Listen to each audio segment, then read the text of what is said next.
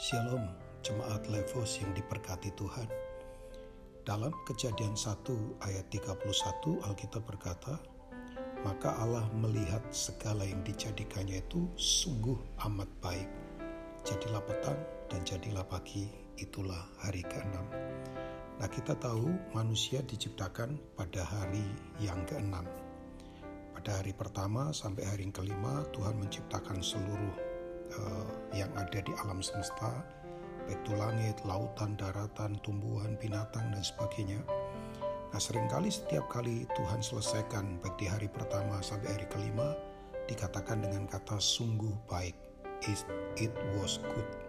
Ya tapi memang di hari ketiga itu kata itu diulang dua kali. Sungguh baik itu diulang dua kali. Makanya tradisi Yahudi meyakini bahwa hari ketiga itu double blessing, ya berkat ganda. Makanya kalau kita membaca di Yohanes 2, pada hari ketiga ada perkawinan di Kana itu dianggap sebagai berkat double, ya berkat ganda. Tapi uh, seharusnya fokus kita kepada hari yang keenam, ya. Sebab gini, di hari keenam itu tidak dikatakan it was good, tapi it was very good. Ya, sungguh amat baik. Nah, apanya? Ternyata semua yang Tuhan uh, ciptakan itu kalau tidak ada pengelolanya itu percuma jadi makanya dikatakan sungguh amat baik itu karena Tuhan menciptakan kita sebagai para pengelola. Nah, pengelola di sini ini kan disebut dengan prinsip stewardship gitu ya, prinsip kepengelolaan. Kita bukan owner, tapi kita adalah pengelola dari apa yang Tuhan ciptakan.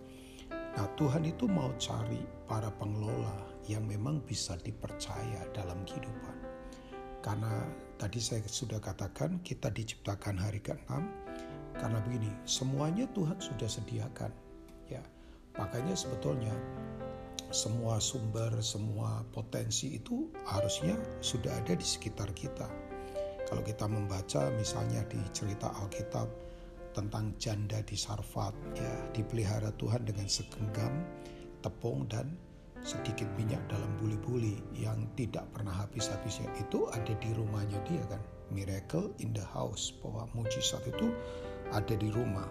Ya misalnya waktu Yesus memberi makan 5000 laki-laki saja di Yohanes 6 ya waktu itu muridnya berkata di sini ada seorang anak yang membawa lima roti dan dua ikan di sini tidak perlu cari ke mana-mana jadi semuanya sudah ada di sekitar kita nah pertanyaannya adalah apakah Tuhan itu bisa menemukan orang yang bisa dipercaya. Makanya dikatakan sungguh amat baik kalau Tuhan menemukan orang seperti ini. Nah, makanya kalau uh, Tuhan tidak menemukan orang yang bisa dipercaya, ya kebalikannya, bumi ini akan jadi sungguh amat rusak. Ya kita tahu ya, akibat orang-orang yang tidak bisa dipercaya, karakternya, pekerjaannya, ya hidupnya, makanya semuanya jadi berantakan. Nah, saya berharap sungguh-sungguh mengajak semua yang ada di Levos ini, marilah kita jadi orang-orang yang bisa dipercaya. Nah, kepercayaan itu selalu akan dibarengi dengan satu kata namanya tanggung jawab.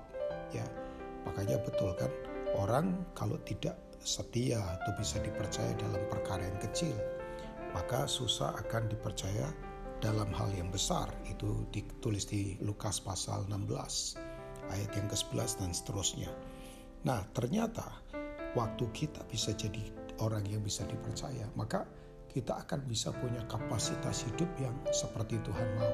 Bahkan saya harus katakan kapasitas itu adalah cermin pada apa yang Tuhan percayakan dalam hidup kita, yaitu adalah cermin kepercayaan Tuhan dalam hidup kita. Makanya Tuhan cari orang-orang yang memang bisa dipercaya, di, dipercaya di keluarga, dipercaya di pelayanan, dipercaya dalam pekerjaan, ya orang-orang yang memang uh, mahir mengelola semua hal yang memang Tuhan percayakan. Nah, waktu kita bisa dipercaya, kapasitas kita sungguh-sungguh akan menjadi orang yang berbeda.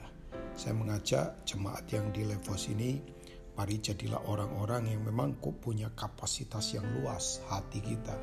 Karena memang kita didapati orang yang setia dalam perkara kecil, ya.